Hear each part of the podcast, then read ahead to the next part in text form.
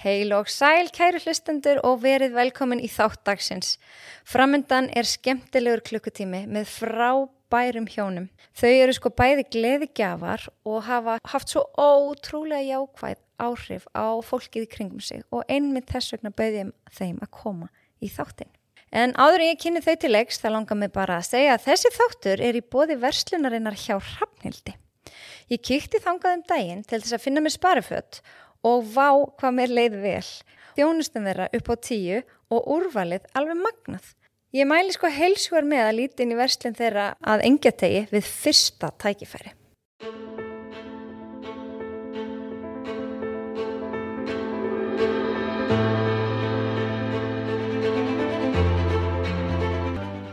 Í þætti dagsins eru hérna hjá mér hjónin Jóna Hrönn Bolladóttir og Bjarni Karlsson sem eru bæði prestar og frábærir einstaklingar. Takk kærlega fyrir að gefa ykkur tíma til að koma. Takk fyrir það. Ég voni að þetta hafi ekki verið streitu valdur að koma hérna á spáni. Það var náttúrulega indislegt að koma hérna að, að uh, MH, þar sem að, uh, sko ég var náttúrulega hér í skóla og ég gerði það leik mínum að leggja rafmaksjólunum mínu þar sem ég lagði Hondu SS50 þegar ég var 16 ára. Nú er ég 60 Já. og legg rafmaksjólunum sem ég gaf konu minni sem er með rauðri korfi og mjög gaman. En skemmtilegt. En enn og aftur bara hjertanlega velkomin og mér langar svolítið að kynnast ykkur áður en við förum í þema dagsins. Má ég byrja þér Jóna? Segja hans frá. Já, ég er sem sagt fætt í Hrísei 1964 og þar voru fóreldra mínir e, bygguð þau, pappi var prestur þar, Bótli Gustafsson og mamma mín, Matildur Jónsdóttir, var e, flutti beint úr Reykjavík þar sem hún var hárgræslumeistari og, og rak hárgræslustof en hann var frá Akureyri svo það var stittra fyrir hann að fara. Aha. og, um, og svo fluttu þau í Laufos og Eyjafjörð og ég er ein af sex sískinum svo það var nú líf og fjör á heimilinu. Og þau byggu þannig mörg mörg ár. Uh, og ég um, fór í mennskólan Akureyri og uh, meðan Bjarni fór í MH og, uh, og svo hittust við í Guðfræðdildinu, ég fór í gegnum Guðfræðdildina og, uh, og, uh, og svo vigðust við á svipun tíma og fóru saman sem presta til Vestmanneja og eigum þrjú börn, Andra, Mattild og Bollamá og fimm barnabörn, þannig að við erum rosalega rík og, og hérna þakklátt fyrir það, Allt, alla þá dýrð sem það er að eiga, fá þá gjöf að fá að eiga börn. Mm -hmm. Þannig að það er ekki allir sem fá að lifa þær aðstæður. Það er alveg rétt. En ég held að þetta sé nú, sko, svo getum maður að tala um einhvern starfsferil en það er kannski, þetta er nú kannski það sem að, hérna, er nú samt að dýfsta og, og dýrmætasta, þannig ég er svona að byrja bara á því. Já, einmitt, það er slett. En þú Bjarni? Ég er uppalveg hérna bara í, í sólheimunum hérna í, inn í vóðum mm. og bara strákur úr, úr Reykjavík og, og fóldrar minn voru kennarar og skólastóri, pappi minn var hétt Karl Sæfa Bendusson og nýlega látin og, og, og uh, Helga Steinar Róbersdóttir heitir móðu minn, voru hann öldruð manneskja.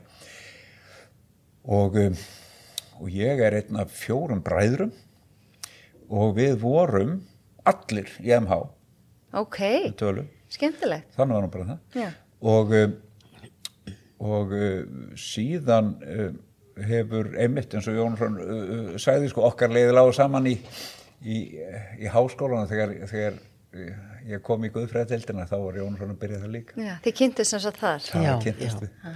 Fóru saman í gegnum deildina, hann var árið stittra að því að, að við eignuðu smiðlungin okkar og uh, þannig ég tafðist um eitt ár þannig að hann kláraði ári fyrr og víðist ári fyrr.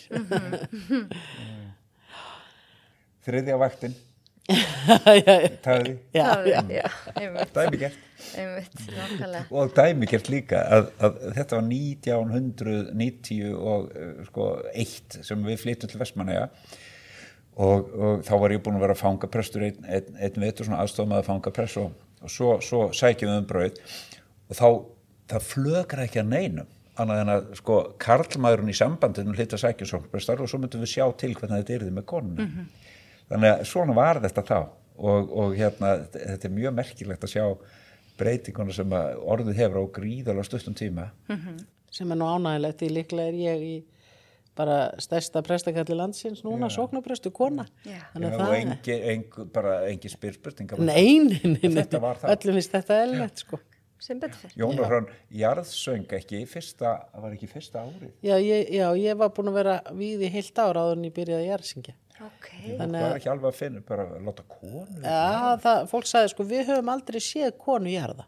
nú, Þannig að hérna, því að það náttúrulega þetta í Vestmanni var, var hérna, hefði alltaf verið kall prestar og þannig að ég er sko fyrst í hvern presturinn sem kem og þjón í kirkjunni og, það, og ég fann aldrei, það var engin illvili. nei, ok. Alls ekki bara, við höfum bara aldrei séð konu jarða og þetta kom alveg, var alveg innlegt sko.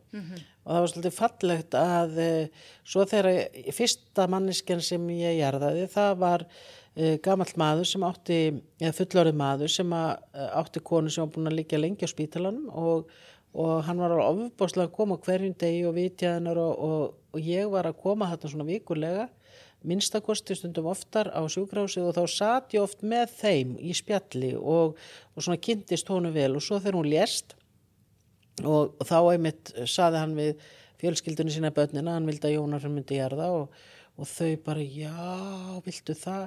Og það hafði hann sagt við því, fyrst að hún gætt vitja móður ykkar vikulega e, í allan vetur, þá, þá getur hún svo sannarlega jarða hana. Og þetta allir bara svona, já, akkurat. Og það, það, það var fullorinn kallmaður sem að hérna sá til þess að ég myndi e, sjá hann fyrst útförinn. það var glera vekkur um brotin sko. Já, og það var ekki, það var ekki einhver hópur af, af feministum, það var fullari maður sem var búin að fylgja konunni sinni gegnum mikil veikindi. En hvað kom til að þið, eh, sko, urðu prestar? Þú náttúrulega kannski líka beint við hjá þér að foreldreinu voru prestar eða ekki? Og, Jú, hvernig- það var með mjög mótandi áhrif á mig og ég var svona strax sko bara sem barn, mjög áhugasum um kirkjustarf og var með pappa sunnudagsskólanum og hjálpunum og svona bara mjög varst þetta bara áhugavert starf og, og svona var mjög duglega fylgjónum í starfi og hann að duglegur að hafa mig með þannig það hafði mjög mikil áhrif og, og af þessum sex sískina hópi eru þrjú prestar þannig að það er alveg örutt að þau hafa bæði haft mjög mótandi áhrif. Ég var, var, um, ég var sko alveg upp í KFM og K. Á mjög góðar minningar það, nú er ég Kristjólum skóla samtökum og, og, og slíkt, en 12 ára gamall, það hefði held ég mestu áhrifin, þá, þá fekk ég uh, vinnu svona sem uh, matvinnungur í sumarbúðunum í Skálholti og upplýði þar að bara vera í þessu uh, sumarbúðastarfi og bara þetta var svo gaman og, og, uh, og, og, og svona einhvern veginn gríðarlega gefand og uh, þannig að ég var svona 12 ára gammal, þá vissi ég, heyrðu, mig langar að gera eitthvað svona. Já, þannig að mjög snemma mótaðist ég á mér tilfinningi fyrir því að ég vildi vera í svona félagsstarfi með fólki og hugsanlega einmitt kirkjulega kristilegu starfi. Þetta er bara, það var bara mjög snemma sem að ég, ég vissi það. Já, Og við hefum bæðið hennar bakgrunn, ég vann sko eh, 14, 15, 16, 17, 18, þá var ég öll sömur í, að vinna í sömubúðunum á Vestmarsatni aðaldal. Þannig við hefum svona mjög líkan bakgrunn að því að hafa svona tekið svona, orðið svona tekið svona fljótt svolítið svona leiðtöðar hlutverk inn að kirkjunu rauninu bara 12 og 14 ára, þá voru við í komin í þannig, þannig hlutverk svolítið svona að vera leiðtöðar eða Já, fræðarar og það er náttúrulega áhugavert. og svo hef ég oft sagt söguna því sko þegar, þegar, mér, eh, þegar hún var ekkert að taka eftir mér guðferðatildin og hún var ekki að, var að rekistera sko að ég væri að reyna við hana sko. bara nei þá réði ég hann í vinnu til að vinna sko ég, ég stofna sumabúðu fyrir þjóðkirkjuna í lög, löggerir skóla Snæfellsnesi bara spyrja, heyrðu, erst þú til í að koma hérna? Já, já, alveg til í að vinna þannig, þannig hófst okkar samband með ráningasambandi Já, það var, það var ráðningarsamband. Já, Æ, gaman. en nú veit ég að preststarfið er mjög krefjandi starf, en hvað er svona mest gefandi við starfið? endalast gefandi endalast gefandi það er bara, já það eru náttúrulega, það. eru auðvitað öll þessi mannlegu tengsl sem að fara strax á svona rosalega djúpan stað. Og hvort sem að þú ert að sko undirbúa skýrt með fólki eða undirbúa jarðaför, undirbúa brúðköp, þetta er svo rosalega stórir atbyrður og svo ofbúslega tímamót, eignaspann, eignastmaka, uh, kveðja ástinn, að það bara, þú bara, þá, það kemur til fólk, þú kannski aldrei hitta áður og það bara búm, þeir eru bara farin, farið inn í sko það dýfsta, dýfsta, bæði dýfstu gleð og dýfstu sorg. Og, og þér er síndur svo brjálaðslegu trúnaður. Já. og, og hérna og, og þú hefur allt í einu sko, eh, sko þú er bara allt í einu svona, bara, það er bara svona stert henging af fólki sem bara dettur inn á götunni. Þetta er, þetta er ótrúlega merkilegt. Já, það er bara hreinlega, það er í rauninni um, í, í prestarfinu þá líður dagurinn að þessu lítur á klukkurinn nema bara ætla að reyna að vera á réttum á réttum tím og það er aldrei það, er, það, það ge- gerist ekki eh, sko það getur verið einhverju þættir eins og bara einhverju skýslugerð eða þú sest niður á er bara illa fyrir kallar og þarft að klára þess að ræða eitthvað svona.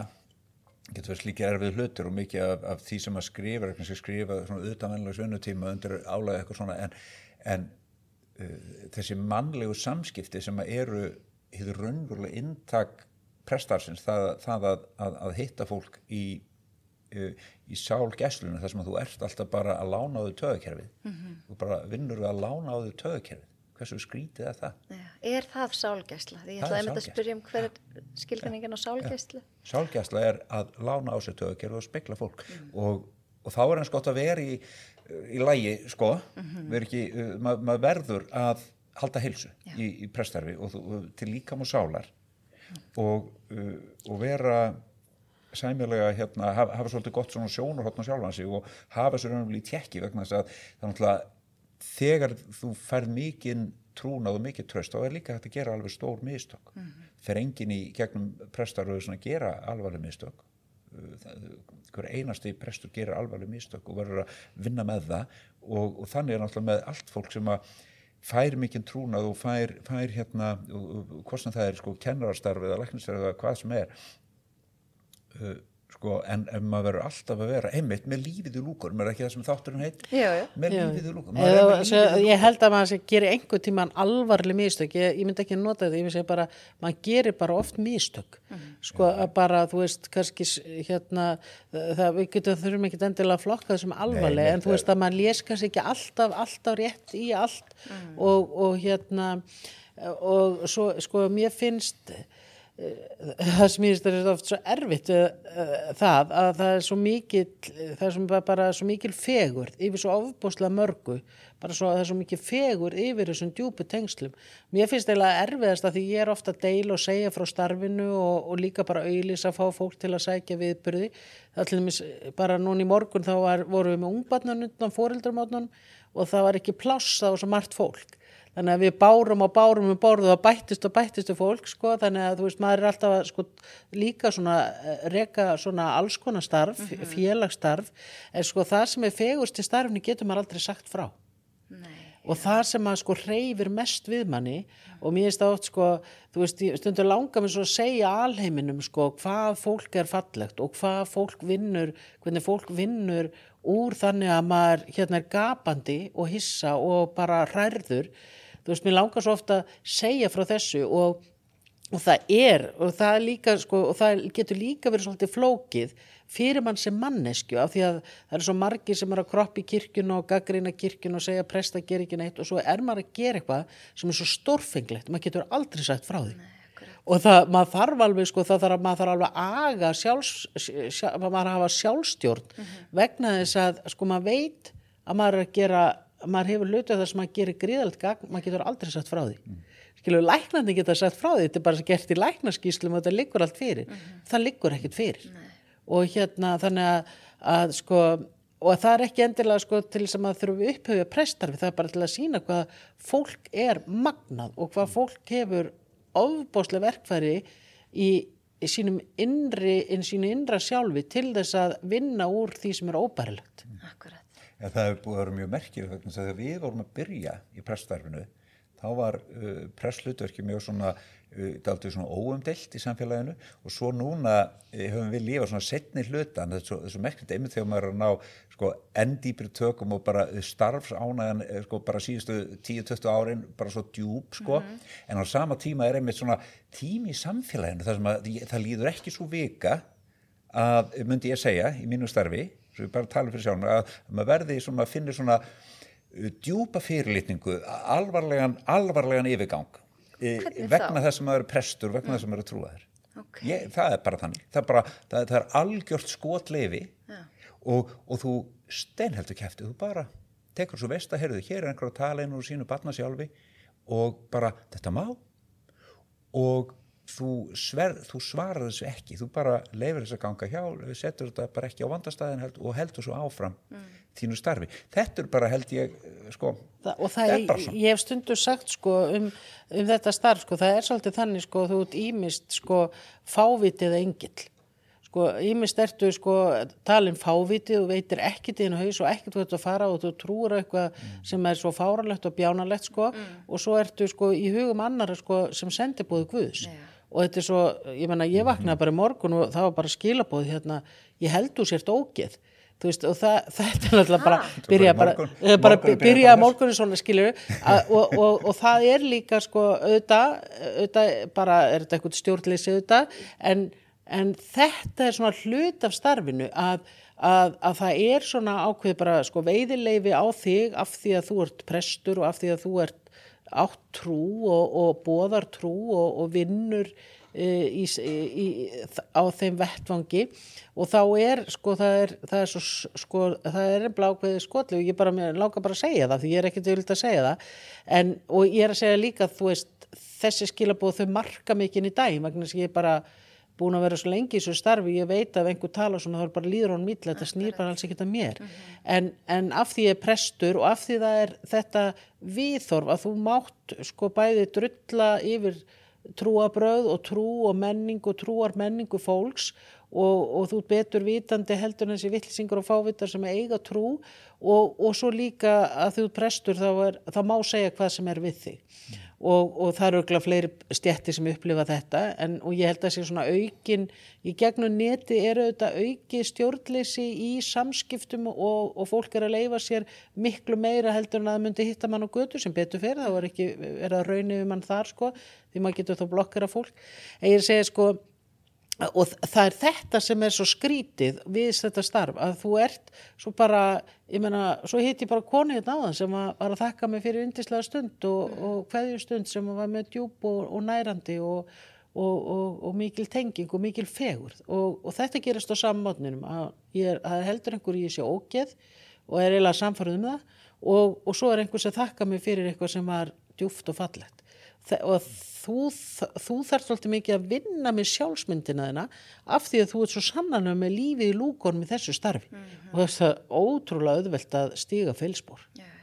En vá hvað ég er hissa að heyra að fólk í alvörinni bara sendi svona skilabóð. Ég bara ekki til orð. Já, ég, ég er náttúrulega ekki hissa því að, eh, sko, auðvitað, þú veist, ég er ekki hissa að því ég sé náttúrulega alls konar hluti sagði í okkar samfélagi, sko, og, og hérna, og, og fólk leifi sér í svona engaskilabóðum, en ég held, sko, þarna, eh, sko, það er eitthvað sem gera verkum að, að það má drullu við fólk og það er auðvitað mjög, hérna, auðvitað freistandi að drulli yfir fólk sem að vinnur stöðut í tengslum, er stöðut sérst og er í, í, í þessari vandar sem er þjónustu. Og svo erum við líka náttúrulega búið að vera mjög lengi þessi hugmyndum það að, að uh, sko, þú, þú ert ekki faglegur, þú ert ekki fagmaður vegna þess að þú ert fulltrúi einhverja fornaldar hugmynda. Þessi, þessi, þessi hugmyndum bara, það er bara sett fram og, uh, og, og þetta er bara búið að ganga á. Sko, ef, ef þú þrítuðu kallmaður í Íslandi það er social suicide að lýsa yfir því að þú eigi trú það er algjör þú, þú, sko, þú, þú getur ekki gert það. Við erum stödd á einhverjum ofbóðslega merkjulegu tíma þar sem að er búið að e, sem að ég held að sé bara félags sko, sko, þjóðfélags sálræn tilraun í gangi þar sem við erum einhvern veginn að taka allt sem við höfum treyst á og við erum að að, að henda þið til og sjá hvað, sjá hvað gerist vegna þess að, að í rauninni er undir niðri svo ofbáslega vantrú og allar stórar sögur, öll stór kerfi, allar stopnanir og tilfyrringi fyrir því að allt einhvern veginn sé að bregðast og hafi bröðist og, og það er líka satt, það hefur sannarlega gert það. Og, og, og Kristinn kirkja hefur sannarlega uh, gert ofbáslega mistök í sögunni og við verðum líka holst í auðvið það. Uh -huh. og svo ertu, og svo þegar, og svo hér á Íslandi þá eigum þessi rosalega með þessi, er, þetta er svo merkileg þess vegna er þessi tengsl svo innihaldsrík og merkileg vegna þess að, að maður skinnjar þessum prestum, maður á svona alveg instant trúnað og raunverulega sko, þú átt leiði til þess að fara alveg inn í barna sjálfið. Þú, þú, ferð, þú bara hittir prestu að tala við hann, þú ferð bara alveg inn í barna sjálfið og, og, og talar þarna með einhverja personu og það má vera þannig, það á að vera þannig. Mm. og þegar við erum mjög reið þá reyðustu þeim sem við treystum og mun ekki snúfa okkur baki mm -hmm.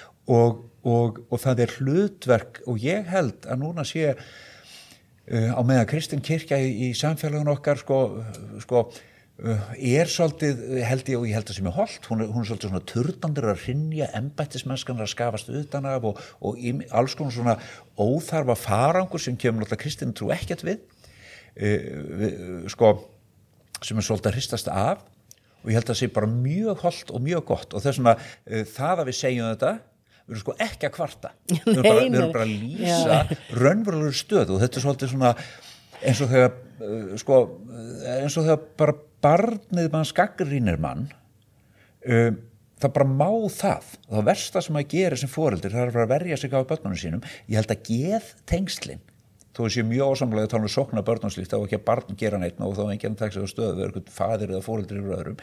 En þá er enga síður geðtengslinn eh, sem hafa þróast í gegnum uh, aldirnar uh, að almenningur upplifir sko þau sem eru presta sko þú færð eitthvað svona samtali eitthvað svona nánt sem að er um já, það verður, uh, sko, þú mátt stoppa og vera í barna sjálfun og tala við einhvern. Og hann lánar, viðkomandi lánar þér tögakerfi sitt. Og hlustar e, án þess að þú þurfa að rítskoða sjálfa þig.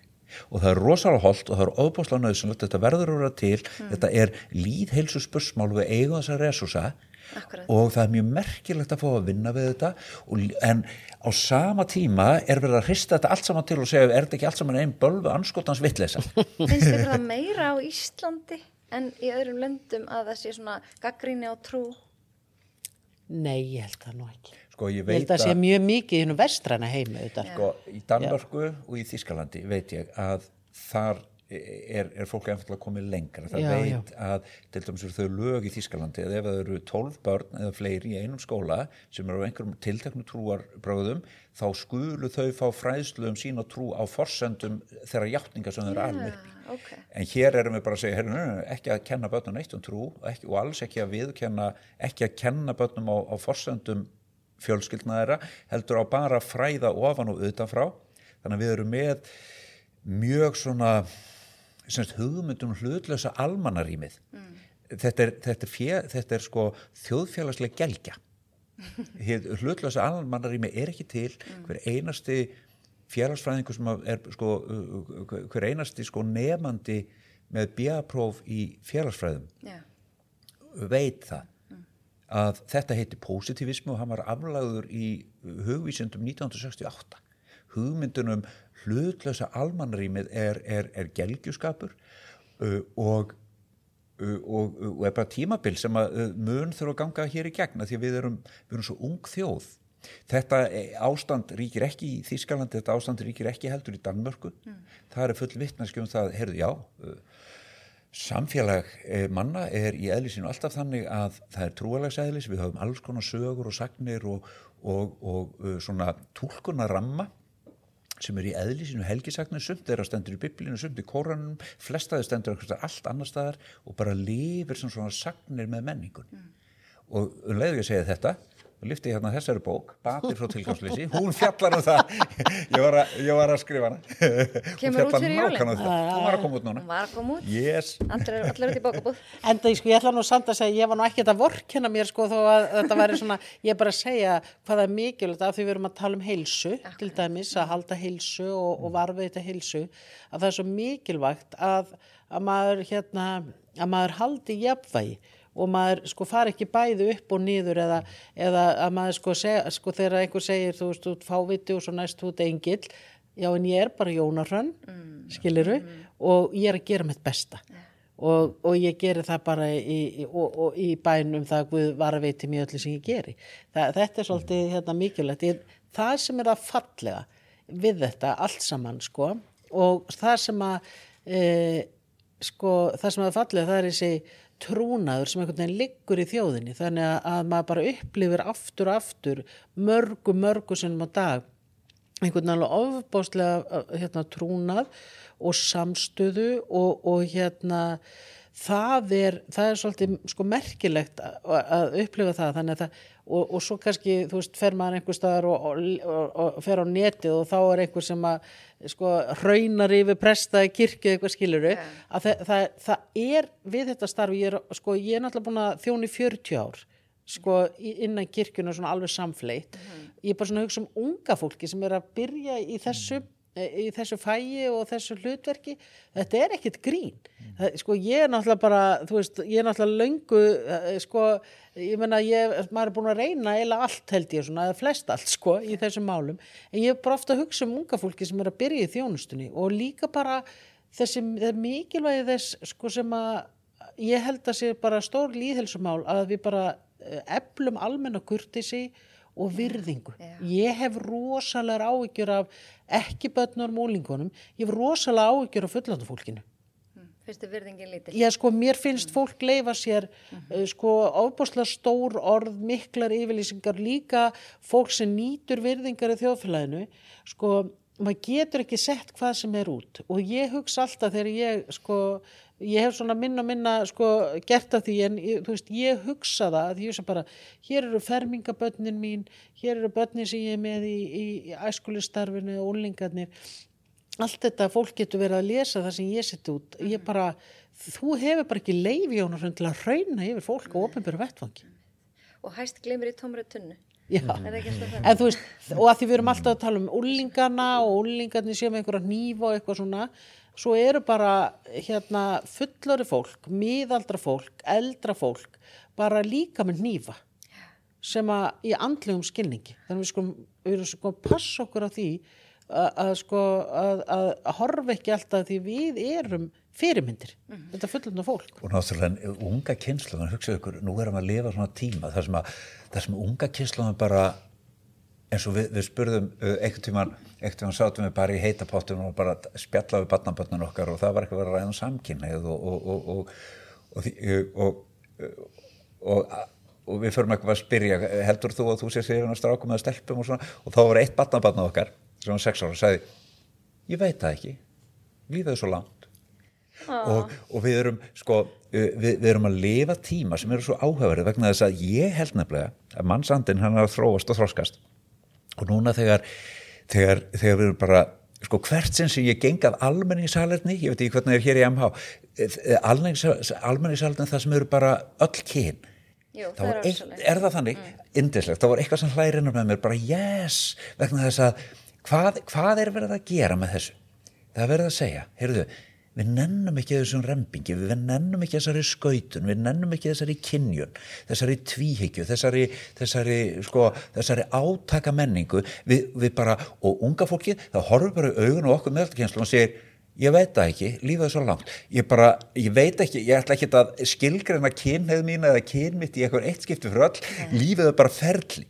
Og, og það er það er einhver, einhver þarna sko raunveruleg friðar menning það er raunverulega ástunda frið er fólkið því að umfaðma lífið í fjörbetelga sínum eins og það kemur og, og una því að við erum ófrá gengin, við erum á leiðinni og eitt merkasti kennari sem að uh, bara heimsbyðun hefur átt hann hétt Pál og Freyri og var, var mikill hensbyggingur og, og, og líka guðfræðingur og, kennari, hann kendi, hann var frá Argentínu. Og hann sagði uh, ég líti alltaf á hann sem kennara.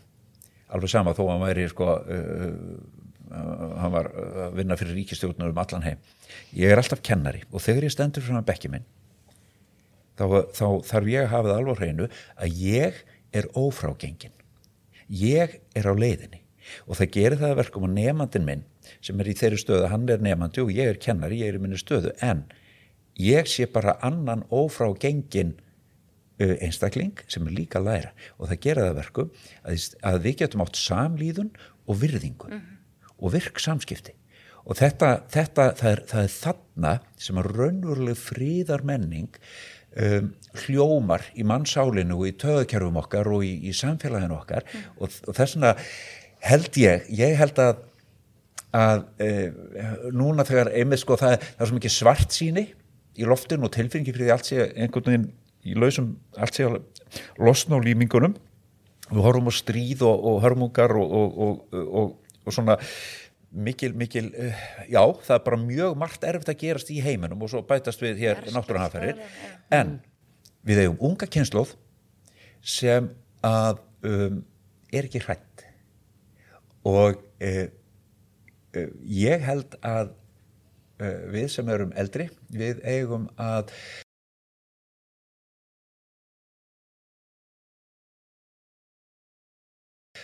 stíðin í samtali með þeim og gera allt sem okkar valdi stendur og æfa okkur í því, aga okkur við það að horfa á lífið í gegnum augu unga fólksins mm. hvernig horfi ég við þessu unga fólki?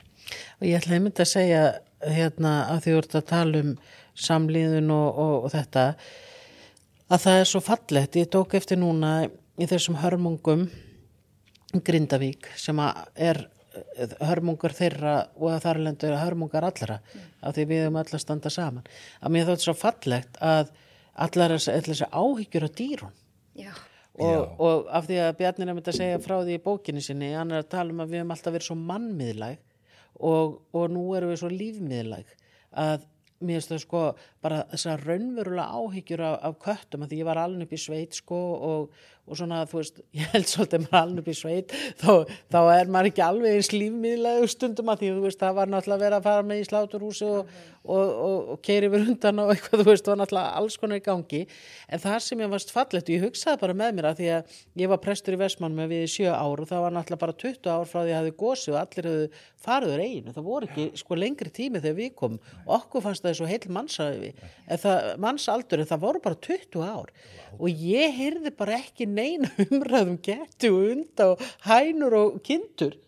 Bara aldrei heyrt um það. En núna er, og ég bara og ég hugsaði bara svona fyrst þar í svona byttu e, já, já, fólki er að hafa áhyggjur á kvöttur og svo hugsaði með mér, heyrði Jóna e, sko, umhyggja fyrir dýran sko, hún hefur bara aukist og, og, við, og, og þetta eru líka framfærir þetta já. segir mann að, að fólk sér sem sér luti af vistkerfi en ekki einhver einstaklingsíkju og þetta finnst mér alveg magnað og fólki var að fara þar sem að jörðin var að springa og, og, og, og allt var að myndast til að ná í köttin. Mm. og hérna og sko og hvort sem að mér leiðast nú kettir eða ekki að hérna ég myndi mér aldrei fá maður kött þá bara fylgti þetta mig af einhverju fegur og ég sagði bara hversu fallit er þetta Já. og við erum að tala um páagauka það var líka verið að ná í búrin og ég bara, ég hugsaði bara með mér Jónas, það, það, það, það er alltaf verið að tala um vistkerfi og hlúa því og við erum að vera lífmiðlæg og við erum bara e e eitt vistkerfi getum ekki verið að flokka allt og hérna nú er þetta að gerast fyrir auðanmaður og, verður þakklátt konar mm. Mér finnst líka bara fallit hvernig þjóðin stendur saman. Stórkost. Allir að bjóða fram húsnæði og gistingu mm. og fatnað og til að hjálpa gründvikingum. Mér finnst þetta bara svo fallit. Kemur fram svo mikið svona... En ég ætla að segja ykkur eitt. Mm. Það kemur nákvæmlega ekkert óvart. Nei.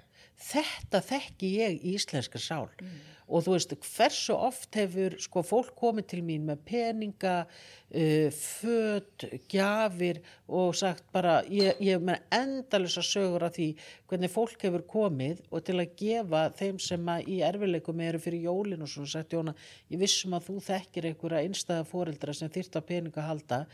Íslettingar eru sko þeir eru sko með svo miklu meiri gegnum aldirnar og, og, og hafa haft hann áttin að vera miklu meira í verki en orði. Já. Það eru líka til fólk sem er bara í orði en Ísletingar eru í verki. Ég er sko alltaf stolt þegar svona kemur upp að ég skuli til þeirra þessa þjóð. Sko eins og ég get orðið pyrru á þess á milli yfir ímsum, ímsum ókurti sem ég tala um að þá er þarna bara eitthvað algjörlega reynd og tært. Eh, Þetta er tvent, þetta er Æ, annars kannski má ég nota reynd og tært. Ég, ég, ég er bara að segja að það er eitthvað ofbóðslega alvöru. Já. Alvöru manneskjur með, og, og, og, og ég ætla líka að segja, þetta er ekki endilega fólki sem á alla peningana eða allt.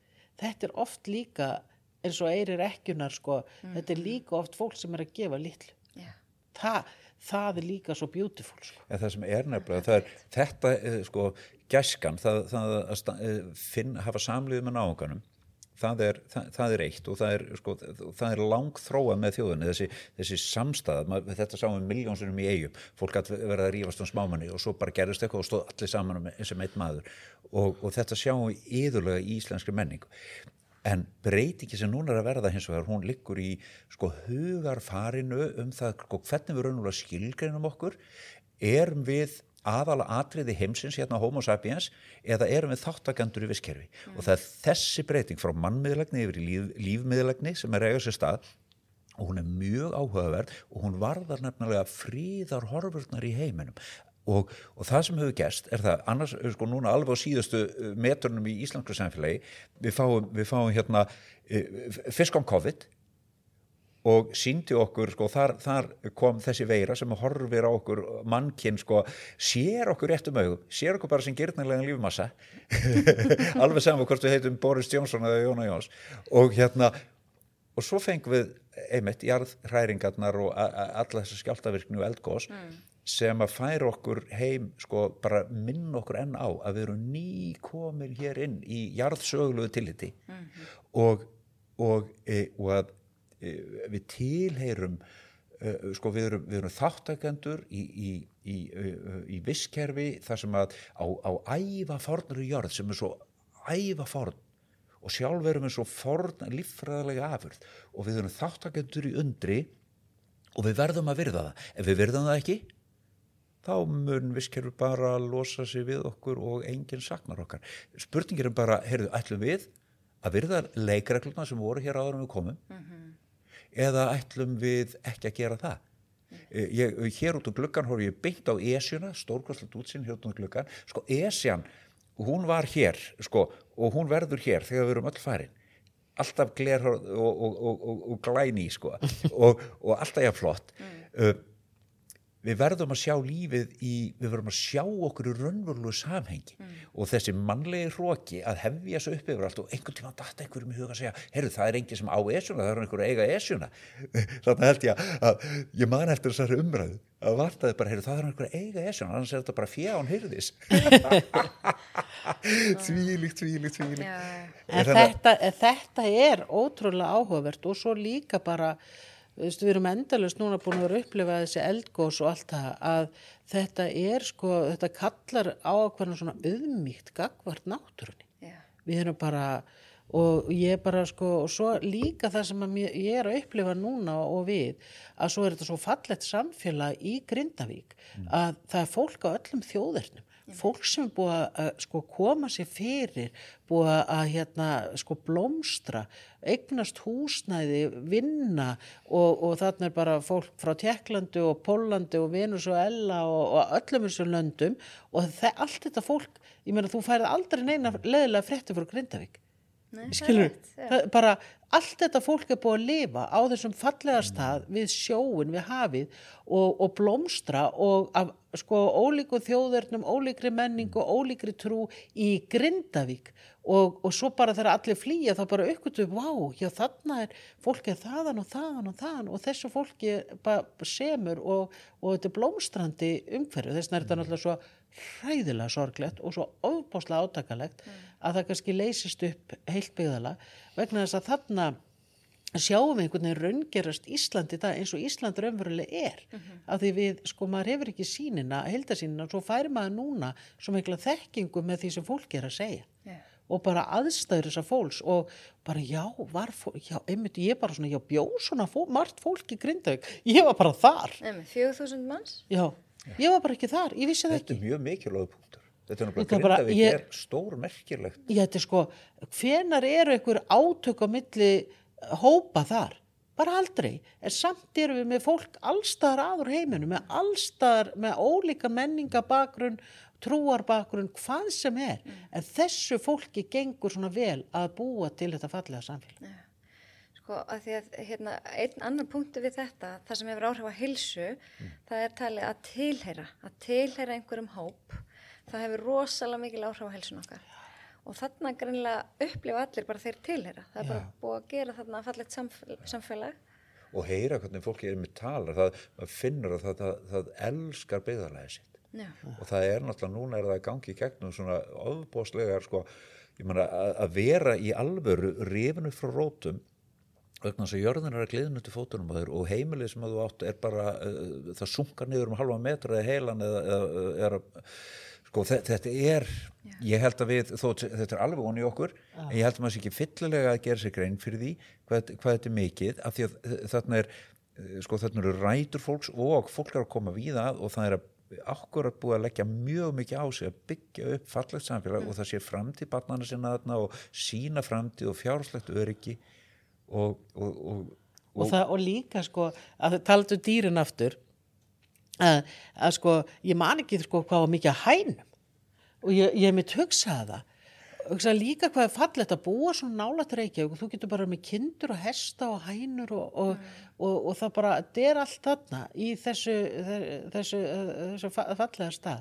Ég bara, ég náttúrulega með þetta á heilanum, þú veist, ég byrja bara sjö á mótnana að fara í gegnum auðvitað eins og við öll bara, alla fjölmiðla, hvað, hvort eitthvað gerst í nótt, við erum náttúrulega auðvitað öll með þetta bara í hjartanu, þó við séum ekki öll í þessum vondu aðstæðum, þá erum við með öll með aðstæðunar í hjartanu. Erfiðleikar þjappa okkur saman. Já, og líka bara, uh, sko, og svo er maður bara, sko, náttúrulega, al, sko, uh, það er skrítið að segja það, svo þetta fólk sem er í þessum ofbáslega erfið aðstæð, það er á sama tíma að kenna okkur svo mikið. Það er bara, það er endalust. Æðrulaust. Já, það er já, líka bara, það er bara að segja okkur, sko, hvernig, sko, líf fólks er og hvernig það getur verið gott og, og, og, og, og allstaðar aður á heiminum og, þú veist, við erum bara að taka líka inn svo mikla þekkingu. og þess vegna geta svona aðstæður hugsaði sko hver er munurinn á, á, á sko sjáu þarna eru þa- þarna er áfall sem verður vegna og það er engin mannlegu máttu sem ræðu við. Það, er, það, það hjálpast öll að all, all, all orka, allir krafta sem við höfum hjálpast að við það að, að draga og láma sko, hafa skada mingandi nálgun. Uh, og þess vegna verður uh, það sem þarna er að gerast hvernig sem það fer, þá veit íslensk þjóð núna, heyrðu í einhverju mjög mikilvægum skilningi mun allt fara vel, ekki vegna að við vitum hvernig heldur bara vegna þess að við vitum við stöndum saman. Það verður merking, það verður tilgangur við sköpum tilgang, meira segja í gegnum náttúrahamferir megnar mannshugurinn og samfélag manna að skapa tilgang ef það stendur saman. Uh, svo horfum við yfir á gasa það er merkingarleysi, það er tilgangsleysi það er, er, það er grimdin og heimskan uppi vaðandi og við erum skorin að innan í sáli og hugsaðu ykkur hvað er, hvað þetta er ólík þjáning að verða vitni af því sem er gerast í Grindavík eða vitni af því sem er gerast í Gaza. Annars er mannleg grimd og heimska í, í, sko, nýjum, í nýjum hæðum og hins vegar sko mannleg samstaða og, og, og, og, félagsleg fegurð. Það við erum að tala um mannlega þjáning Já. á báðum stöðum Já. en sko við getum ekki, sko, að, að það er akkurat í þeirri mannlegu þjáningu sko erum við að upplifa alls konar óendarlega fegurð sem að e, er sko eitthvað sem að fyllir okkur af von. Meðan að hitt er bara í alvöru helvíti. Og, það, og, og, og svo mun það gerast. Svo vitum við, ekstra djúft inni vitum við og þetta sko, þetta grimdar bál sem þarna á sér staði gasa og þessi, þessi, þessi djöfulskapur uh, nei, þetta er ekki því raunverulega vald, þetta er síndarvald þegar upp er staðið þá mun kærleikurinn og samstaðan sigra. Þegar upp er staðið þá er eitthvað í mann eðlinu og í, í eðli bara veruleikans og, og, og náttúrunar við sko það, það er einhver sko við, við leitum bata, við leitum ljós við, við leitum uh, sko heilbriðis og það er að vera heilbriður að því að við erum einmitt hér að, að, að sko það er svona undirlikjandi þema þessara þátta sko eitthvað dýrasta skilgreining á heilbriði sem að ég veit um hún, er- hún er frá heimsbyggingi sem heitir Marta Núrsbám og er núlifandi starfur í bandaríkjum hún segir heilbriði er ekki að vera hress. Að vera heilbriður er að vera berskjöldum manneskja sem að efast og þjáist og veita. Og með því að við vitum, að við, að, með því að við bara unum veruleika okkar og hún er hverju sinni og tökum stöðuna frá þeim stað þar sem við erum stödd og lifum ekki í yfirbórsmennsku og eða í einhverju skautun og einhverjum átökum og heldur bara viðkjörnum, heyrðu, við erum öll á leiðinu við erum öll ófrágengin og þess vegna finnst mér nefnilega að því að svo kom við hérna sem hjón við erum alltaf bara mjög fyndið hjón sko, að uh, okkur hefur, sko, ég er svo þakklátt fyrir það, Jón myndist á að tala um sko bönnun okkar og allt það og, og einmitt, sko það sem okkur, það sem við eigum er það að við vitum að við erum mjög ófullkomin hjón. Það er enginn sem heldur enginn sem þekkjur okkur heldur við sem lífi fullkomnu hjónabandi, það heldur enginn. Og, og við en við vöndum okkur. Og eitt af því sem við höfum gert er það að við höfum alltaf í gegnum all okkar vinnu og allan okkar tíma uh, þar sem við höfum, höfum verið alltaf uh, bara al- við höfum aldrei lifað dag sem ekki hefur verið hlaðinverkefni, bara aldrei í, í öll þessi ár, 30 og eitthvað 4-5 ár sem við erum búin að uh, 36 36 hamgjöngu sko, að það er hérna á við, við tökum alltaf dagbókin okkar og við skipal við, við tökum helgar og við tökum vikur fyrirfram með löngum löngum fyrirvara og við höngum á þeim svo hundaróði þarna eigum við tíma fyrir okkur. Ok, og, þa þa og þetta er eitt af því sem við gerum til þess að, lifa. Uh, það, það, er svona fyrirfram skipala um það bara eiga tíma fyrir okkur og við seljum það aldrei frá okkur. Og síðan, er, síðan er, er, svo eru, eru fleiri þætti sem við höfum svona fyrir svona reglur til þess að varðveita hilsu okkar en aðal aðal ástæðan það, það sem ég held og ég veit að við erum sammálum er aðal intak allrar heilsu. Það er að lifa tilgangsríku lífi. Við erum eina dýrið á jörðinni sem getur dáið á tilgangsleysi. Áhugavert. Já. En þá, þá komum við mitt svolítið að þessu sem að mig langaði svo mikið að ræða um við ykkur. Það er hjónabandið eða sambönd. Það er ekki allir sem gifta sig en, en samt stór hluti Íslendinga hérna, eru skýrðir og giftir trúarlega þó þeir segist svo ekki trúa miklu. Nei, er það ekki pynskreitið? Jú, jú, en það er líka sko yfir 90% af öllum útförum fyrir fram í kirkju. Já, líka um mig. og það er miklu, miklu starri hlutfall heldur en eh, sko brúðgöp hjónavíkslur þeim fer því miður fækkandi í kirkjum og, og hérna segi ég að því að mér finnst þetta svo yndislega stundir en, en það á ekki við útfarir. Það er mjög merkilegt að sjá það. En, en hérna Hver er uppskriftin af góðu hjónabandi? Hvernig var nú að segja einmislega? Ég ætla nú samt að segja það að ég byð alla gangi hjónaband, hvort sem það er hjá síslumanni eða, eða hjá presti, að þeirri einföldu ástæðu fólk sem á, á, á eignir og börn og, og slíkt, það fólk á ekki að taka lífinu eins og aldrei muni neitt geta komið upp á. Og ég hef sem prestur séð náttúrulega þess að fólk hefur ekki gengið í hjónaband með börnin sín og, og, og allt og, og það hefur bara valdið eh, meira, meiri streitu og erfileikum við kannski makamissi heldur en, heldur hefði þurft að vera. Þannig að ég segi nú við fólk að, að það á bara ganga frá þessum hlutum. Og það er bara í því felst ákveðin auðmýtt gagvart lífinu eins og við þurfum að sína eins og gagvart bara íslenskri náttúru en ég held nú að, að sko það er nú alls konar góð ráð varandi, varandi hjónabandið. Ég held að besta ráði sé það að vita það að maður geti lifa án makasins Ok, já, ég skilði. Já, já, að, að ég geti, sko ef ég bara lifi, er í hjónaböndu ég veit að, þó að þessi maður var ekki hluta líf mínu, þá væri ég samt að lifa tilgáðsrísku og góðu lífi og það er ekki hans að, að hérna, að gera mér hamingjusam eða hossa mér eða, eða gera hérna sko, bera ábyrð á því að mér líði nú vel þennan daginn Ég skil þig. skilur að ég ber ábyrð á því og hann ber ábyrð á sér og svo leggjum við að, það sem við leggjum við að mörgum að, að, að glæði hvort annað og, og auka, auka svona gæði í samskiptum en, en að, bara maður muni það að sko ég ber ekki ábyrð á maka mínu, ég ber bara ábyrð á sjálfur mér Já. og ég segi þetta svo oft við fólk sko og að þú ætlar að lifa þannig að, að, að makiðin byrja ábyrð á þér fjáraslega, félagslega og tilfinningarlega og, og, hérna, og það fer eftir í hvað hann hossar þig mikið, hvað líður vel og, og þetta er mjög mond uppskrift og, hérna uh, og mjög mikilvægt að, að hérna fólk gerir sér einhvern veginn grein fyrir því að, að það að eiga maka er sko það er eiga jafningi sem gengur hlið við hlið í, í, á lífsins vegi og, og hérna og, og, og þið getur skipt með ykkur verkum en þið beri jafna ábyrð já.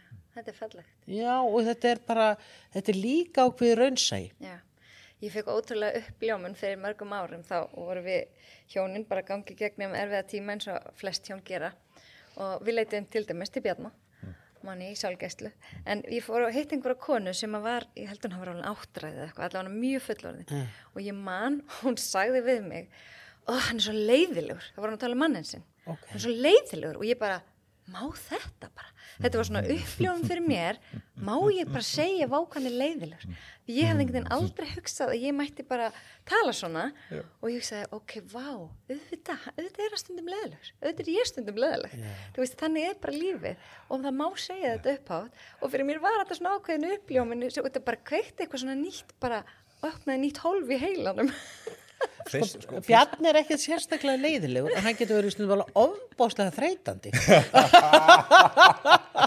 Ég er alltaf bara búin að segja sko, að hann er svo obsessed segja hann er svo í svo mikill hugar ljómun yfir alls konar og, og fær svona hlut á heilan og þá verður hann ótrúlega þreytur, þreytandi og ég og, og hann er alltaf einmitt, ég er svo fegin að tala um alla heimspekinguna sína og þetta í viðtelinu hérna í dag sko, já hann er oft náttúrulega að, tala um og það er alveg skemmtilegt sko en í tíunda sinn getur orðið en ég held að það sé líka þú veist, það fer líka sko hvernig þú talar spæð um makaðin og við makaðin það, það er líka, sko Bjarni bara hlæra þessu líka vegna þess að veita Já. að ég ber mjög mikla virðingu fyrir honum og ég ber mjög mikla virðingu fyrir þekkingans og þekkingaleit og ég ber líka virðingu fyrir öllum hans ástríðum en það getur stundum orðið þreytandi En það er bara eðlilegt. Er sko, fyrst fer maður töðan á sjálfum sér, guðbæði fyrir töðan á sjálfum sér, alveg bara, og, og svo fer Ekki makinn í töðan á manni. Ef að makiðin fer ekki í töðan þér, þá ert ekki mjög tengd á. Sko. Nei.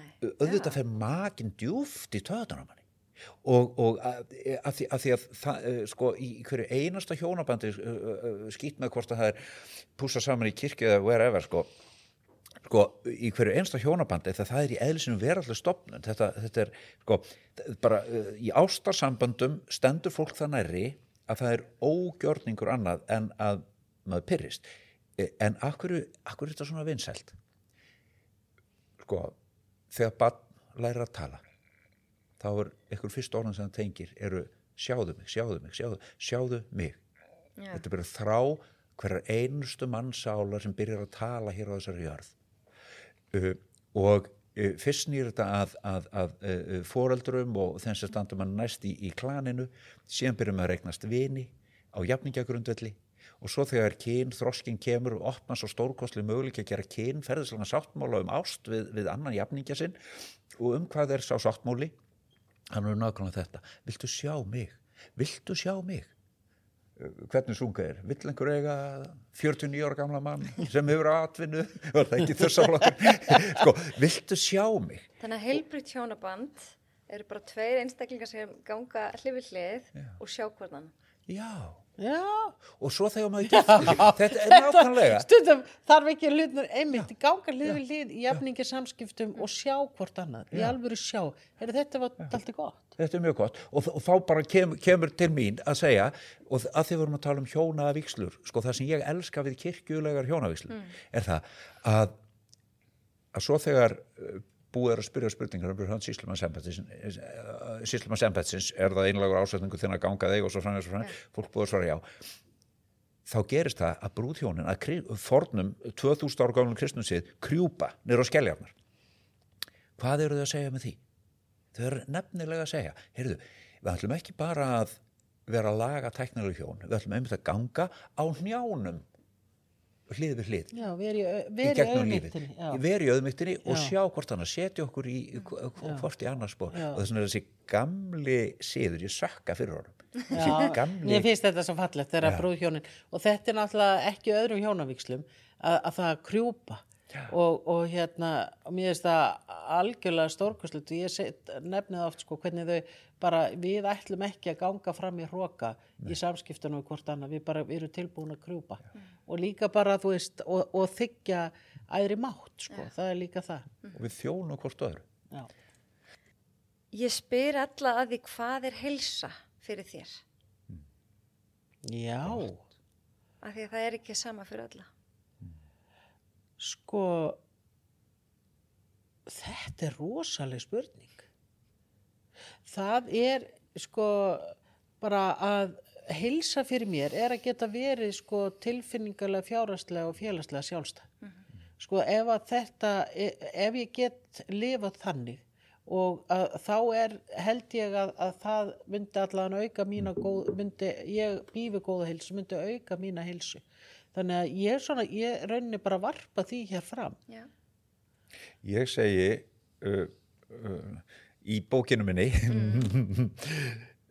bati frá tilgangsleysi uh, það, sko þetta fjallar einmitt um það. Sko ef, ef ég hef ekki heilsu ef ég er ekki í bata uh, þá, þá, uh, þá er, er ég að tapa lífinu, þá er ég, þá er ég að missa, þá er ég að lifa í, í þá hefur lífið mitt ekki tilgang við þurfum akkurat að sko, það, það, það, það, það, að hafa heilsu í sko til líkama sál og randa það er uh, náttúrulega bara kjarni máls og þar ber maður ábyrð, það ber hver og einn ábyrð á sinni heilsu. Mín skilgreining, ein eh, sem ég eh, legg fram í bókinu þetta, bati er það að vera farvegur, næringar og fegurðar. Að vera veitull, lifa sko, næra og miðla fegurð í eigin lífi. Og, og þú ert það sem þú miðlar. Ef þú miðlar heilsu, ef þú miðlar um, lífsmöguleikum ef þú miðlar tækifærum ef þú miðlar næringu í umhverjunuðinu þá áttu það sem þú miðlar þú ert það sem þú miðlar Ég veit við getum örgulega að tala hérna í allan dag. Ég á eftir að spyrja ykkur margra spurninga en ég veit þið eru tímatreng. kom aftur Já, er það ekki? Já. ekki bara að En ég ætla bara að enda kannski að spyrja ykkur hvernig getur trú haft áhrif á heilsu okkar? Loka spurning.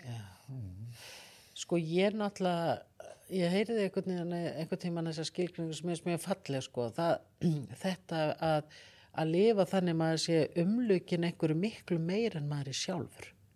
Sko og í mínum huga sko er það ekki að gera mig smerri eða það heldur, það, það veiti mér sko ákveði svona sko öryggi og líka ákveðin svona auðmýgt að ég er ekki stærst og mest sko það er til eitthvað aðra en ég. Og mér finnst það hérna, mér finnst það, það hefur mjög mikil áhrif á mína sjálfsmynd og svo bara það sem að hefur haft svo ofbáslega mikil áhrif á mína heilsu, það er bænin. Bænin er bara andadráttu trúarinnar og ég, sko, ég veit ekki hvernig ég gæti starfað og bara verið ef ég ætti ekki bænina. Og það bæði að, að sko geta beðið til íhugunar og, og, og, og bara andlera næringar og það vera kallaðu til þess að byggja fyrir öðrum, vera fyrirbýðandi og, og ég mitt í dag er að hitta 15 konur og við erum bara að koma saman. Við bara hittust í klukkutíma setjum fram öll bænarefni sem er sko alls konar bara fólk út í samfélaginu, grindvikingar alls konar málefni, við setjum aðna tökum saman bænarefnin og, og tölum um bænasvör og svo endum við á því að bera allt fram í bæn. Og þetta, þessi, þetta samfélagi búið að vera til síðan 2008 og og við erum bara sko, það er allir ómulegir að þið get ekki mætt mm. og það er bara þetta að og finna samhýn sko að byggja, en það segir trúin sko, hvernig kristnátt þessu tveir eða þrýru samankomnir í mínu nafni það er í mitt á meðal að þú veist, við bara, þú veist þetta er svo, þetta er svo gefandi, þetta hefur svo mikil áhrif á mína hilsu ég er alveg vissu um það að ég var einhvern tíðan, hefði einhvern tíðan komist í þrótt ef ég ekki átt bænina í, í, í því álægi sem ég er oft inn í Akkurat. Það er bara algjörlega sko stórkostlegasti hluti trúarinn í mínum huga mm. ég, tek, ég tek undir það ég finnst það er uh, ég held allt fólk sem er raunverulega sko bara á uh, trúarlíf á, á uh, einra líf og, og, og á geðtengslu við aðri mátt